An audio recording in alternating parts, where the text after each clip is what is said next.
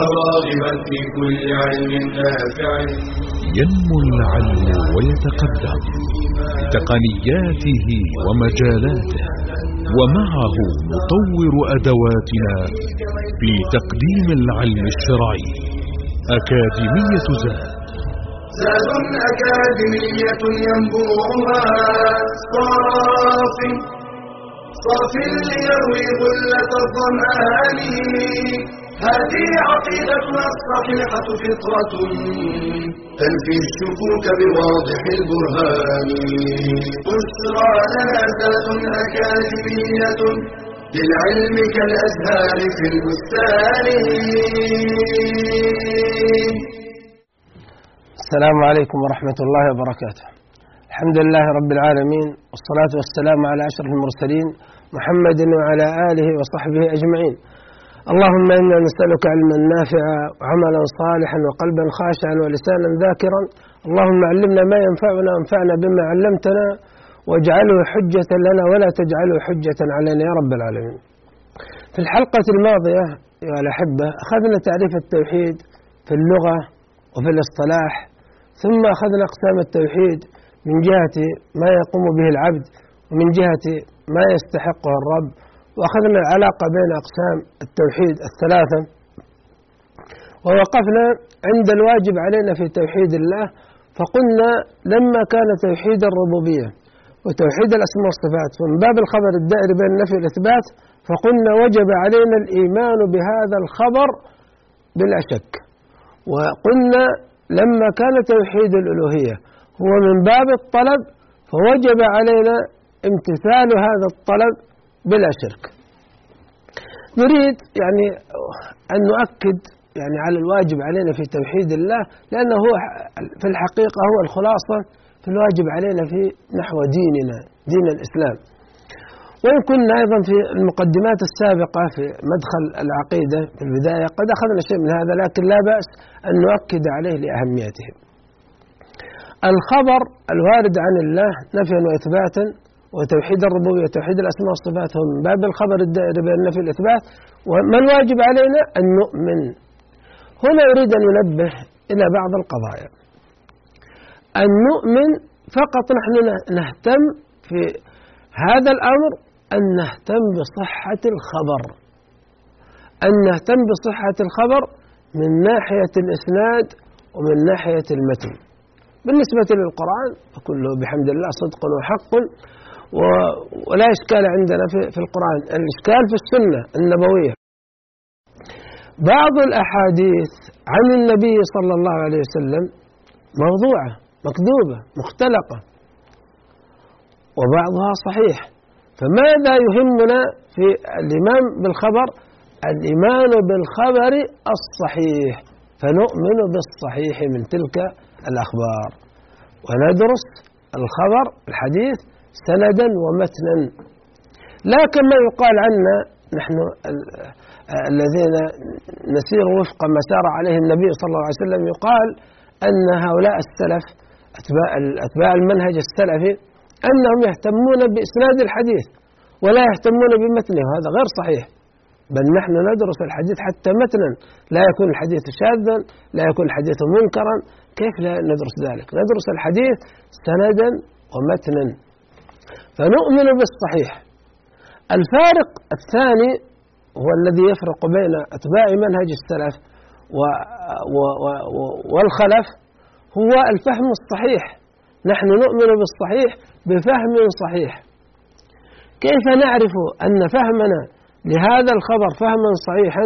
أن نقوم بعرضه على ما فهمه سلفنا الصالح منه على ما فهم سلفنا الصالح من هذا النص. فعندنا فهم الصحابة وفهم أئمة القرون الثلاثة. أئمة القرون الثلاثة المفضلة عندنا نحن نعتمد فهمهم نعتمد فهمهم. ولا نأتي بفهم يضاد فهم سلفنا يضاد فهم سلفنا الصالح. فإذا كان سلفنا الصالح فهموا من الأسماء والصفات أنها على ظاهرها اللائق بالله جل جلاله ولا يؤولون هذا الظاهر يفهمون هذا الظاهر على ما يليق بالله سبحانه وتعالى ولا يقومون بتأويله فنحن لا نأتي بفهم يضاد فهمهم ويخالف فهمهم. الرحمن على العرش استوى. فنقول كما قال سلفنا الصالح أنه استواء أضافه الله إلى نفسه فهو على ما يليق بذاته سبحانه وتعالى. فلا نأتي ونقول استوى يعني استولى. لا هنا أتينا بفهم يخالف ويضاد فهم سلفنا الصالح. إذا نؤمن بالصحيح بفهم صحيح بنظر صحيح هذا أمر ثالث. وهذا فارق أيضا فارق بيننا وبين أهل البدعة في هذا الباب. بنظر صحيح نحن ننظر إلى أن هذا الخبر العقائد الخبرية هذه قد اشتملت على أدلتها العقلية. ما هو بحاجة إلى دليل عقلي؟ قد جاء به هذا الوحي. الوحي جاء بالمسائل العقدية مشتملة على دلائلها العقلية. فنحن ننظر إلى هذا الخبر بهذا الشكل. أمر ثاني ننظر إلى أن هذه العقائد ما يتعلق بتوحيد الربوبية توحيد الأسماء والصفات وغير ذلك من العقائد. لكن هنا نحن فقط نأكد على توحيد الربوبية توحيد الأسماء والصفات أن هذه الأمور لكونها متعلقة بذات الله جل جلاله وذات الله غيب وذات الله لا مثيل له فيها ولا نظير وبيان كيفية الصفات لم تردنا عن الصادق المصدوق صلى الله عليه وسلم. بالتالي وجب علينا قطع الطمع عن إدراك هذه الكيفية. فنحار في الكيفية ونفوض أمرها إلى الله جل جلاله لكن لا نقول أن هذه أن هذه الأمور مخالفة للعقل. لا لا يصح هذا ولا يجوز. فنظرنا لهذا الوحي لهذا الخبر نظرة صحيحة. أن المسائل العقدية مشتملة على أدلتها العقلية. فلا نحتاج إلى أدلة عقلية من الخارج لا علم كلام ولا علم فلسفة ولا علم كشف وذوق لا. خلاص هو المسائل العقلية العقدية جاءت بأدلتها العقلية. أمر ثاني أنه لا يمكن أن تخالف العقل الصريح البتة. هذا يسمى نظر صحيح فنؤمن بالصحيح بفهم صحيح بنظر صحيح. نؤمن بلا شك. إنما المؤمنون الذين آمنوا بالله ورسوله ثم لم يرتابوا. خلاص. لا لا شك عندنا في هذه الأخبار عن الله وعن رسوله. طالما أنها صحت وفهمناها الفهم الصحيح. أمر رابع أو خامس آسف. ولا تقدم لا نتقدم على هذه الأخبار. لا نقدم أنفسنا آراءنا كشفنا ذوقنا وجدنا. ولا نقدم الآخرين لا نقدم آراء الرجال ولا نقدم المناهج علم الكلام ولا علم الكشف والذوق ولا علم الفلسفة لا نقدم أحدا على كلام الله وعلى كلام رسوله. يا أيها الذين آمنوا لا تقدموا بين يدي الله ورسوله واتقوا الله إن الله سميع عليم. أمر سادس ولا إلحاد. لا نأتي لهذه الأخبار عن الرب سبحانه وتعالى في ربوبيته وأسمائه وصفاته لا نأتي فنلحد فيها بتحريف أو تكييف أو تمثيل أو تعطيل لا. نؤمن بها كما أراد الله عز وجل وأراد رسوله صلى الله عليه وسلم. هذا هو الموقف من خبر الله سبحانه وتعالى. نأتي للموقف من الطلب في توحيد الألوهية. نحن نفس القضية. أولا نمتثل الصحيح. فما كان ضعيفا أو موضوعا من ناحية السند أو من ناحية المتن فهذا لا نمتثله لأنه ليس من الشرع. ليس من الشرع.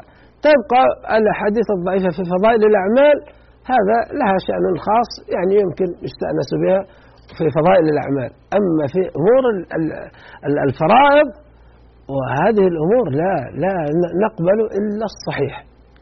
فنمتثل الصحيح. بفهم صحيح. أيضا هذا أمر مهم. نعرض فهمنا لهذه الأوامر والنواهي على ما فهمه سلفنا الصالح. لأن أولئك الدين أنزل عليهم فما لم يفهموه أنه من الدين ما لم يكن من الدين. ثم في ذلك العصر فليس بدين حاليا. فلذلك نحن نعتمد فهم الصحابة وفهم أئمة القرون الثلاثة المفضلة للنصوص الشرعية. فلا نأتي بفهم للأوامر والنواهي يخالف ما فهموه هم أو يضاد ما فهموه هم لا يمكن ذلك. بنظر صحيح ننظر إلى ما طلبه الله عز وجل منا فعلا أو تركا أن ذلك فيه مصلحتنا وفيه سعادتنا. وفيه صلاح الفرد والمجتمع فيه صلاح الدنيا والآخرة فيه سعادة الروح والبدن. فننظر إلى هذا الشرع بنظر صحيح. أنه لا يخالف المصلحة وأن فيه الصلاح وسعادة الأفراد والمجتمعات فننظر إليه بنظر صحيح. فإذا تم ذلك فإننا نمتثله بلا شرك. لا يمكن أن نشرك. في عبادة الله سبحانه وتعالى فعلا أو تركا معه غيره. فلا نقصد إلا الله جل جلاله بامتثالنا لهذا الشرع. ولا اعتراض لا نعترض على شرع الله سبحانه وتعالى لا نعترض على هذا الشرع بالآراء بالعادات بالأعراف بأي شيء آخر بالسياسة بالاقتصاد. لا نعترض على شريعة الله سبحانه وتعالى بل نمتثل بلا اعتراض ونمتثل بلا ابتداع لا نأتي بهذه الشريعة التي شرعها الله سبحانه وتعالى لنا لا نغير في زمانها لا نغير في مكانها لا نغير في جنسها لا نغير في مقدارها لا نغير في سببها لا نغير في هيئتها في كيفيتها لا نبتدع. لا نبتدع بغلو ولا نبتدع بجفاء. فلا نغلو في هذه العبادة غلوا يجعلنا نخرج من دائرة الإسلام من الطرف الآخر من الباب الآخر. ندخل من باب ثم نخرج من الباب الآخر بسبب هذا الغلو. ولا جفاء بحيث لا ندخل الإسلام. يكون الإنسان مجافي فلا يعمل بهذه الشريعة مهمل لهذه الشريعة وإن كان يقول أنه مؤمن بها لكنه لم يعمل بها البتة. فالذي لا يمتثل يعني لشريعة الإسلام ولا يأتي بما هو من خصائص المسلم ولا هذا ما دخل في الإسلام. فإذا قال أنا أشهد أن لا إله إلا الله وأن محمدا رسول الله ثم لا يريد أن يعمل أن يعبد الله وحده لا شريك له بما شرع رسولنا صلى الله عليه وسلم البتة بالكلية هذا ما دخل في الإسلام. لا نريد الغلو ولا نريد الجفاء. ونعبد الله سبحانه وتعالى بما شرع. هذا هو الواجب علينا تجاه ما طلبه الله عز وجل منا. هذا الواجب علينا في توحيد الألوهية وعرفنا الواجب علينا في توحيد الربوبية وتوحيد الأسماء والصفات مع معرفتنا للسبب في ذلك. ما هو الواجب علينا وما السبب؟ عرفناه بحمد الله سبحانه وتعالى.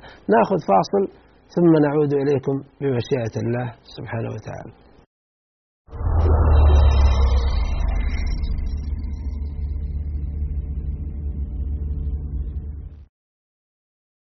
العقيقة هي الذبيحة التي تذبح عن المولود تقربا إلى الله تعالى وشكرا على إنعامه بنعمة الولد. وجمهور أهل العلم على أنها سنة مؤكدة وهي كما قال صلى الله عليه وسلم عن الغلام شاتان وعن الجارية شاة. ويشترط في سنها ما يشترط في الأضحية بالضأن والمعز. فالضأن ما أتم ستة أشهر فأكثر والمعز ما أتم سنة فأكثر. ولا يباع لحمها ولا جلدها ولا شيء منها. ويتقى فيها من العيوب ما يتقى في الأضحية. العوراء البين عورها والعرجاء البين عرجها والمريضة البين مرضها. والهزيلة. ووقت ذبح العقيقة يبدأ من تمام انفصال المولود. فلا تصح عقيقة قبله. وتستحب العقيقة في اليوم السابع. فإن تعذر فيسن ذبحها في الرابع عشر. فإن تعذر انتقلت إلى اليوم الحادي والعشرين. ويوم الولادة يحسب من السبعة. ولا تحسب الليلة إن ولد ليلة. بل يحسب اليوم الذي يليها. قال صلى الله عليه وسلم كل غلام رهينة بعقيقته تذبح عنه يوم سابعه ويسمى فيه ويحلق رأسه والعقيقة يؤكل منها ويهدى ويتصدق ولم يرد في ذلك تحديد فكيف ما فعل فجائز ويجوز أن يخرج اللحم نيئا أو مطبوخا والطبخ أفضل. فهو زيادة في الإحسان وشكر النعمة. مجموعة زاد تقدم لكم نخبة مميزة من إصداراتها. كتاب كيف عاملهم صلى الله عليه وسلم للشيخ محمد صالح المنجد. أربعون نصيحة لإصلاح البيوت. أدرك أهلك قبل أن يحترقوا. المجمعات التجارية. زاد الحج. زاد الصائم. طوبى للشام. كيف تقرأ كتابا؟ معاني الأذكار. لمزيد من المعلومات يرجى زيارة المواقع التالية. ورتل القرآن ترتيلا. أعوذ بالله من الشيطان الرجيم. يا أيها الذين آمنوا إذا قيل لكم تفسحوا في المجالس إذا قيل لكم تفسحوا في المجالس فافسحوا يفسح الله لكم. وإذا قيل انشزوا فانشزوا يرفع الله الذين آمنوا منكم والذين أوتوا العلم درجات والله بما تعملون خبير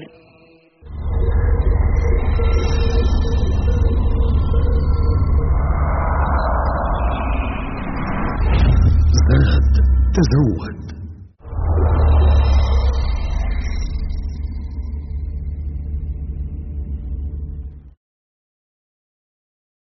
الحمد لله رب العالمين والصلاة والسلام على أشرف المرسلين محمد وعلى آله وصحبه أجمعين.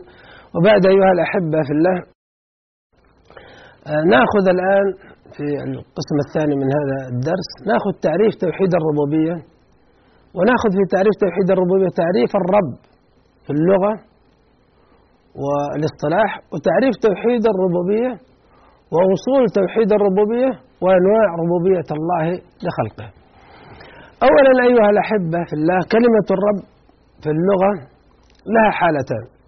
الحالة الأولى حالة الإطلاق أو حالة الخلو من ال التعريف ما يقال الرب يقال رب لكنها تذكر مقيدة ومضافة. رب الدار أو رب العالمين. فهذه الحالة الأولى التي تكون خالية من ال وتأتي مقيدة ومضافة ففي هذه الحال تطلق على الله سبحانه وتعالى مثل الحمد لله رب العالمين. وتطلق على المخلوق مثل رب الدار والفرس والغلام ويكون معنى المالك الصاحب السيد المربي المصلح وهكذا. الحالة الثانية حالة حال التعريف بال الرب والإطلاق بدون تقييد أو إضافة الرب. ففي هذه الحالة لا تطلق إلا على الله جل جلاله فالرب هو الله سبحانه وتعالى. فهو الرب أي لخلقه فيكون معناه الخالق المالك المدبر المصلح لأحوال خلقه. يقول شيخ الإسلام ابن تيمية معرفا الرب شرعا الرب هو الذي يربي عبده فيعطيه خلقه خلقه المناسب له. ثم يهديه إلى جميع أحواله من العبادة وغيرها. هذا هو الرب. الرب هو الذي يربي عبده فيعطيه خلقه. ثم يهديه إلى جميع أحواله من العبادة وغيرها. وقال أيضا فإن الرب سبحانه وتعالى هو المالك المدبر المعطي المانع الضار النافع الخافض الرافع المعز المذل. يقول المقريزي الرب سبحانه وتعالى هو الخالق الموجد لعباده القائم بتربيتهم وإصلاحهم من خلق ورزق وعافية وإصلاح دين ودنيا. ويقول الشيخ عبد الرحمن بن سعدي الرب هو المربي جميع عباده. هو المربي جميع عباده بالتدبير وأصناف النعم. وخص من هذا تربيته لأصفيائه بصلاح قلوبهم وأرواحهم وأخلاقهم. فتعريف توحيد الربوبية إذن توحيد الربوبية هو اعتقاد انفراد الله بما ذكرنا. من خصائص الرب سبحانه وتعالى. اعتقاد انفراد الله بربوبيته للمخلوقات فلا رب لها سواه. فهو اعتقاد أن الله هو المنفرد بالخلق والملك والأمر. ولا انتبه يدخل في الأمر الأمر الكوني والأمر الشرعي. الأمر الكوني يعني تدبير الكون والأمر الشرعي يعني وضع شريعة للناس. فنعتقد انفراد الله بربوبيته في الخلق والملك والتدبير الكوني والتشريع. يقول ابن تيمية رحمه الله فإن الله سبحانه وتعالى له الخلق والأمر. كما قال تعالى إن ربكم الله الذي خلق السماوات والأرض في ستة أيام ثم استوى على العرش. يغشي الليل النهار يطلبه حثيثا. والشمس والقمر والنجوم مسخرات بأمره ألا له الخلق والأمر. تبارك الله رب العالمين. فهو سبحانه وتعالى خالق كل شيء وربه ومليكه. لا خالق غيره ولا رب سواه. ما شاء كان وما لم يشاء لم يكن. فكل ما في الوجود من حركة وسكون فكل ما في الوجود من حركة وسكون فبقضائه وقدره ومشيئته وقدرته وخلقه. ما من ذرة تتحرك في هذا الكون إلا بمشيئة الله وما من ذرة تسكن في هذا الكون إلا بمشيئة الله. هذا هو توحيد الربوبية. فتوحيد الربوبية يقوم على أصلين اثنين. الأصل الأول عموم خلقه وربوبيته. عموم الخلق. والربوبية الأصل الثاني عموم الإحسان والحكمة. قال تعالى الذي أحسن كل شيء خلقه. هذا عموم الإحسان والحكمة. وبدأ خلق الإنسان من طين. هذا عموم الخلق والربوبية. قال تعالى قال ربنا الذي أعطى كل شيء خلقه ثم هدى. عندما قال فرعون لموسى قال فمن ربكما يا موسى؟ قال ربنا الذي أعطى كل شيء خلقه. يعني المناسب له هذا عموم إحسانه وحكمته. ثم هدى هذا عموم خلقه وربوبيته. قال تعالى الحمد لله رب العالمين الرحمن الرحيم. هذا عموم إحسانه ورحمته وحكمته في خلقه في ربوبيته لخلقه مالك يوم الدين مع الحمد لله رب العالمين. مالك يوم إذا هو في, في, في خلقه قد هداهم وضع لهم شريعة وسيحاسبهم عليها يوم القيامة. هم خلقه وربوبيته. قال تعالى قل اللهم مالك الملك تؤتي الملك من تشاء وتنزع الملك ممن تشاء وتعز من تشاء وتذل من تشاء. بيدك الخير إنك على كل شيء قدير. تولج الليل في النهار وتولج النهار في الليل وتخرج الحي من الميت وتخرج الميت من الحي وترزق من تشاء بغير حساب.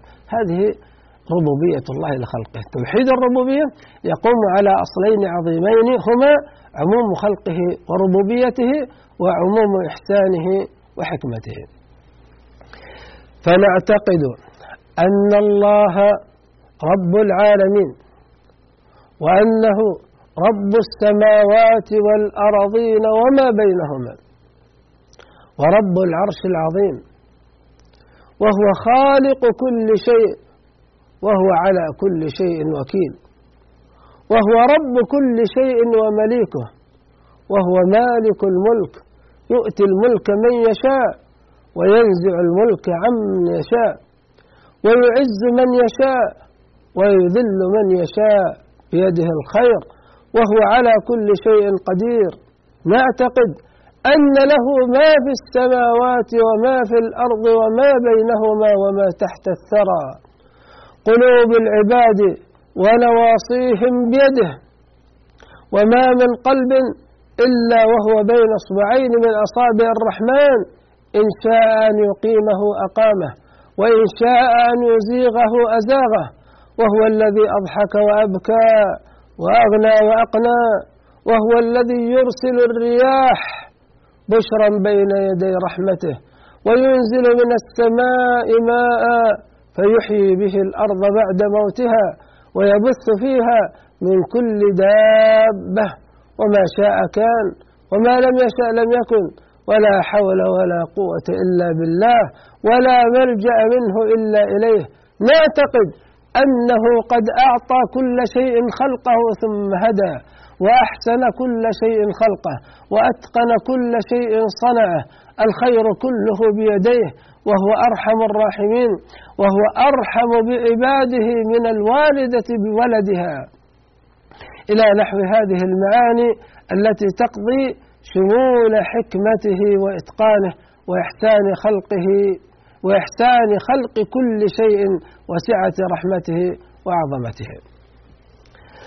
يقول ابن تيمية رحمه الله فهذان الأصلان عموم خلقه وربوبيته وعموم إحسانه وحكمته أصلان عظيمان وإن كان من الناس من يكفر ببعض من يكفر ببعض الأول عموم خلقه وربوبيته كالقدرية. القدرية عموم خلقه يخرجون أفعال العباد من خلقه ويضيفونها إلى محض فعل ذي الاختيار الإنسان أو الطبيعة. الذين يقطعون إضافة الفعل إلى الله سبحانه وتعالى ويضيفونه إما إلى الطبع أو إلى جسم فيه طبع أو إلى فلك أو إلى نفس أو غير ذلك مما هو من مخلوقاته العاجزة عن إقامة نفسها فهي عن إقامة غيرها أعجز. القدرية سواء القدرية الأوائل أو المعتزلة يضيفون بعض مخلوقات الله سبحانه وتعالى يخرجونها من عموم خلق الله سبحانه وتعالى ويضيفونها إلى الإنسان أو يضيفونها إلى الأسباب. وهذا عياذا بالله نقص في هذا التوحيد وشرك في توحيد الربوبية. ومن الناس عموم إحسانه وحكمته عموم الحكمة من الناس من يجحد بعض الثاني. أو يعرض عنه متوهما خلو شيء من مخلوقاته عن إحسان خلقه وإتقانه وعن حكمته ويظن قصور رحمته وعجزها من القدرية الإبليسية أو المجوسية وغيرهم. القدرية الإبليسية أو القدرية المجوسية هؤلاء جبرية وجبرية منهم من يجعل هناك تناقض بين الشرع والقدر ومنهم من يحتج بالقدر على ذنوبه ومعاصيه. قال ولو شاء الله ما أشركنا ولا آباؤنا. هؤلاء المشركية إبليس والقدرية الإبليسية الجبرية الإبليسية يقولون أن إبليس عندما قال الله عز وجل له ما منعك أن تسجد لما خلقت بيدي؟ أنه كان المفترض أن يقول أنت منعتني أنت منعتني فهؤلاء يجعلون هناك تعارض بين الشرع والقدر وينفون حكمة الله سبحانه وتعالى عن الشرع والقدر وهكذا. وأولئك يخرجون بعض مخلوقات الله سبحانه وتعالى عن عموم خلقه. وهؤلاء يجعلون بعض الأشياء أنها لا حكمة فيها ولا رحمة ولا إحسان وكلا الفريقين ضال. تحقيق توحيد الربوبية أن نؤمن بعموم خلقه وربوبيته. لا يخرج عن خلق الله سبحانه وتعالى شيء ولا يمكن أن يكون هناك شيء خارج عن ربوبية الله سبحانه وتعالى له. ولا يمكن أن يكون في هناك شيء من مخلوقات الله خارج عن الحكمة وعن الإحسان وعن الرحمة. أنواع ربوبية الله لخلقه تربية الله تعالى لخلقه نوعان عامة وخاصة. فالعامة هي خلقه سبحانه وتعالى للمخلوقين. خلقه للمخلوقين ورزقهم وهدايتهم لما فيه مصالحهم التي فيها بقاؤهم في الدنيا. هذه ربوبية الله عامة. ربوبية الله عز وجل عامة لجميع المخلوقات. خلقهم رزقهم هداهم أعطاهم الأشياء التي تمكنهم من الحياة المدة التي أرادها الله سبحانه وتعالى لهم فيها. هذا عموم خلقه. هذه الربوبية العامة. وهناك ربوبية خاصة نسأل الله سبحانه وتعالى من فضله. الربوبية الخاصة هي تربيته سبحانه وتعالى لأوليائه فيربيهم بالإيمان ويوفقهم له ويكمله لهم ويدفع عنهم الصوارف والعوائق الحائلة بينه بينهم وبين هذا الإيمان. وحقيقتها التربية الخاصة تربية التوفيق لكل خير والعصمة من كل شر. الله سبحانه وتعالى يأتي لأوليائه فيوفقهم في سمعهم في أبصارهم في أيديهم في أرجلهم في فروجهم فيجعلهم يستخدمون هذه الجوارح في طاعة الله ويصرفهم عن استخدامها في معصية الله.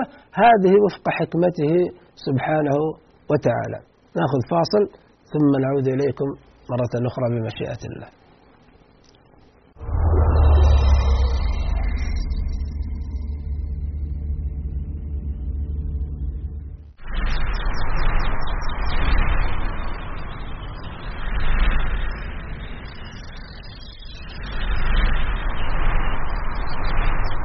اعلم أن الصبي أمانة عند والديه.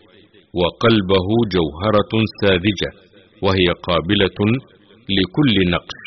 فإن عود الخير أو الشر نشأ عليه وشاركه أبواه ومؤدبه في ثوابه أو عقابه. فينبغي أن يصونه ويؤدبه ولا يعوده التنعم وأسباب الرفاهية فيضيع عمره في طلبها إذا كبر. كلمات قصيرة تحمل بين طياتها تنبيها وتحذيرا خطيرا. وتوجه حواسنا ومداركنا إلى دورنا الحقيقي الذي سنحاسب عليه. كلكم راع وكلكم مسؤول عن رعيته. فمن أهم أدوارنا الجديرة باهتمامنا في هذه الحياة التركيز على مسؤوليتنا تجاه رعيتنا. فالآباء والأمهات لهم الأثر الأعظم بعد الله في مستقبل الأبناء والأجيال. لذلك خصهم النبي صلى الله عليه وسلم بالذكر فقال والرجل راع في أهله وهو مسؤول عن رعيته والمرأة راعية في بيت زوجها ومسؤولة عن رعيتها. إن الأبناء زهرة الحياة وقرة أعين الآباء والأمهات وبصلاحهم ودعائهم ترفع الدرجات في الآخرة. ولكن يجب أن ندرك أن ذلك مرهون بحسن تربيتهم وصلاح نشأتهم. فهنا كان لزاما علينا البحث عن أبرع الطرقات وأفضل الأساليب في التربية والتوجيه ليكون أبناؤنا في قابل أيامهم مصدر بر وسعادة لنا وسواعد خير وبناء للمجتمع والإنسانية.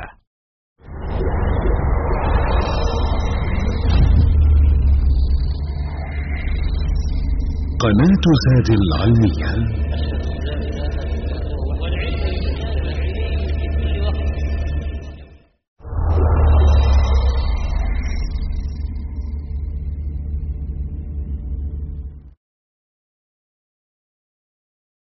حياكم الله أيها الأحبة في الله. وقفنا عند أنواع ربوبية الله لخلقه. وقلنا هناك ربوبية عامة. الربوبية العامة هذه وفق عدل الله سبحانه وتعالى. فمن عدله جل جلاله أن أعان كل عباده على على شرعه على طاعته. فأعطاهم الفطر الفطرة المستقيمة. أعطاهم العقول أعطاهم الجوارح. أعطاهم الرسل بعث فيهم الرسل. خلقهم رزقهم هداهم. هذه تربية عامة وفق عدله سبحانه وتعالى. ولذلك من حرم نعمة العقل فإن الله سبحانه وتعالى لا يحاسبه. من حرم نعمة الإرادة فإن الله سبحانه وتعالى لا يحاسبه. يكون له حساب يوم القيامة. من حرم نعمة السمع والبصر وجاء الشرع وهو لا يسمع ولا يبصر فهذا الله سبحانه وتعالى يرحمه. من حرم نعمة الشرع فهذا الله سبحانه وتعالى يرفع عنه التكليف. وهكذا هذه ربوبية ربوبية الله العامة تكون وفق عدله. وهناك ربوبية خاصة تكون وفق حكمته سبحانه وتعالى. أن من أطاعه فإن الله سبحانه وتعالى يزيده هدى وتقوى. فهؤلاء الذين يسيرون في طاعة الله هم أولياء لله. الذين آمنوا وكانوا يتقون يتولاهم الله فيرب فيربيهم ربوبية خاصة وهي ربوبية التوفيق. فيحملهم على الخير حملا ويصرفهم عن الشر صرفا. هذه أنواع ربوبية الله لخلقه. أدلة توحيد الربوبية كثيرة منها ما ذكرناه من قبل. قال الله سبحانه وتعالى إن ربكم الله. هذا الرب ماذا يصنع؟ إن ربكم الله الذي خلق. هذا الخلق. خلق السماوات والأرض في ستة أيام ثم استوى على العرش. يغشي الليل النهار يطلبه حثيثا الشمس والقمر والنجوم مسخرات بأمره. هذا ماذا؟ الخلق الملك التدبير. ألا له الخلق والأمر. تبارك الله رب العالمين. خالق ثم هو المالك لهذه الأشياء الذي يدبرها كيف يشاء. تبارك الله رب العالمين. خلق وملك وتدبير. قال تعالى الحمد لله فاطر السماوات والأرض. هذا الخلق. جاعل الملائكة رسلا أولي أجنحة مثنى وثلاث ورباع. يزيد في الخلق ما يشاء. إن الله على كل شيء قدير. ما يفتح الله للناس من رحمة فلا ممسك لها وما يمسك فلا مرسل له من بعده وهو العزيز الحكيم. يا أيها الناس اذكروا نعمة الله عليكم. هل من خالق غير الله يرزقكم من السماء والأرض؟ لا إله إلا هو فأنا تؤفكون. إذا الله عز وجل الرب هو المنفرد بالخلق الملك تدبير الرزق وهكذا. قال الله سبحانه وتعالى إن ربكم الله الذي خلق السماوات والأرض في ستة أيام ثم استوى على العرش يدبر الأمر. خلق يدبر. ما من شفيع إلا من بعد إذنه. ذلكم الله ربكم فاعبدوه أفلا تذكرون. إليه مرجعكم جميعا. وعد الله حقا. إنه يبدأ الخلق ثم يعيده. ليجزي الذين آمنوا وعملوا الصالحات بالقسط. والذين كفروا لهم شراب من حميم وعذاب أليم بما كانوا يكفرون. هو الذي جعل الشمس ضياء والقمر نورا وقدره منازل لتعلموا عدد السنين والحساب. ما خلق الله ذلك إلا بالحق. يفصل الآيات لقوم يعلمون. إن في اختلاف الليل والنهار وما خلق الله في السماوات والأرض لآيات لقوم يتقون. قال تعالى قل من يرزقكم من السماء والأرض أم من يملك السمع والأبصار ومن يخرج الحي من الميت ويخرج الميت من الحي ومن يدبر الأمر فسيقولون الله فقل أفلا تتقون فذلكم الله ربكم الحق فماذا بعد الحق إلا الضلال فأنا تصرفون. هذه أدلة توحيد الربوبية كثيرة. قد يقول قائل ما المانع أن يكون للأرض رب وللسماء رب وللقمر رب فيكون هناك أرباب كثيرة. الله سبحانه وتعالى قد بين لنا بطلان هذا وأن رب العالم بأكمله لا يمكن أن يكون إلا واحد وهو وهو الله سبحانه وتعالى هو هو سبحانه وتعالى. قال الله عز وجل ما اتخذ الله من ولد وما كان معه من إله. أها طيب. لو كان له ولد ما الذي سيحدث؟ إذا لذهب كل إله بما خلق. هذا الرب سينفرد بمخلوقاته. رب الأرض سينفرد بالأرض. رب الشمس سيأخذ الشمس. رب القمر سيأخذ القمر.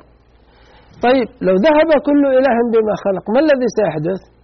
لا يمكن أن يسير الكون بانتظام. سيحدث الخلل. هذه أول ملحوظة. فلما كان الكون لا خلل فيه دل ذلك على بطلان هذا الأمر. إذا لذهب كل إله بما خلق باطل. إذا لا يمكن أن يكون هناك إله مع, مع الله. طيب حالة ثانية احتمال ثاني. لم يذهب كل إله بما خلق لكن كانوا شركاء في الشمس. هذا رب الشمس وهذا رب الشمس. طيب ما الذي سيحدث؟ رب الشمس الأول سيقول لها انقي ساكنة رب الشمس الثاني يقول لها تحركي. لعلى بعضهم على بعض. آه سيحدث التغالب. فإما أن تنفذ الإرادتان فتكون الشمس متحركة ساكنة في الوقت ذاته وهذا باطل.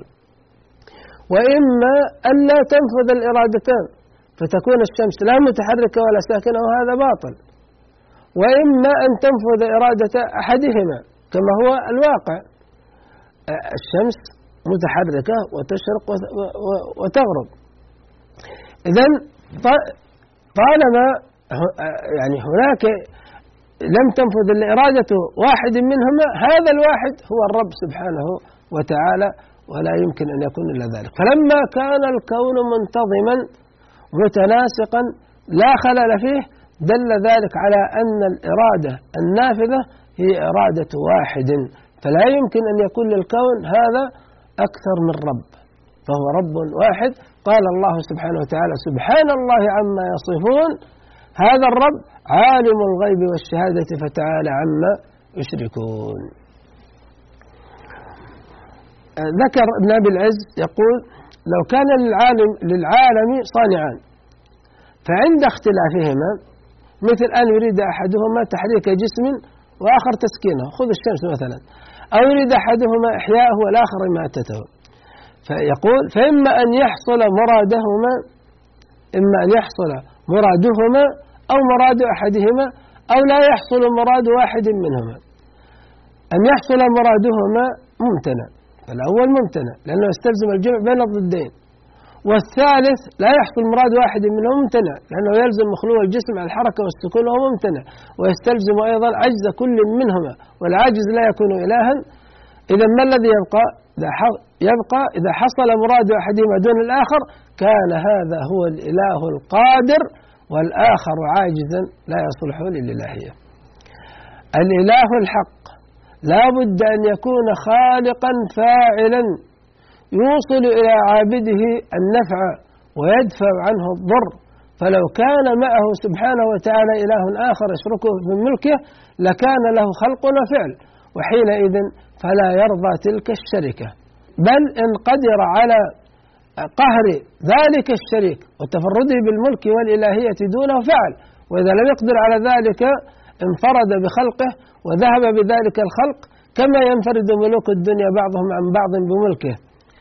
إذا لم يقدر المنفرد منهم على قهر الآخر والعلو عليه فلا بد من أحد ثلاثة أمور إما أن يذهب كل إله بخلقه وسلطانه وإما أن يعلو بعضهم على بعض وإما أن يكونوا تحت قهر ملك واحد يتصرف فيهم كيف يشاء ولا يتصرفون فيه بل يكون وحده هو الإله وهم العبيد المربوبون المقهورون من كل وجه. وانتظام أمر العالم كله انتبهوا لهذه الجملة الآن. وانتظام أمر العالم كله وإحكام أمره من أدل دليل على أن مدبره إله واحد وملك واحد ورب واحد. لا إله للخلق غيره ولا رب لهم سواه. فالعلم بأن وجود العالم عن صانعين متماثلين ممتنع لذاته. مستقر في الفطر معلوم بصريح العقل بطلانه. فكذلك تبطل إلهية اثنين فالآية الكريمة اتخذ الله من ولد موافقة لما ثبت واستقر في الفطر من توحيد الربوبية دالة مثبتة مستلزمة لتوحيد الألوهية. ننتقل إلى بيان مكان التوحيد الربوبية في دين الإسلام. أيها الأحبة في الله توحيد الربوبية له مكانة عظيمة في ديننا الإسلامي فهو ركن من أركان التوحيد. لا يصح توحيد الإنسان إلا بتوحيد الربوبية. ولا يصح دين الإسلام دين الإنسان وتدينه بالإسلام إلا بتوحيد الربوبية.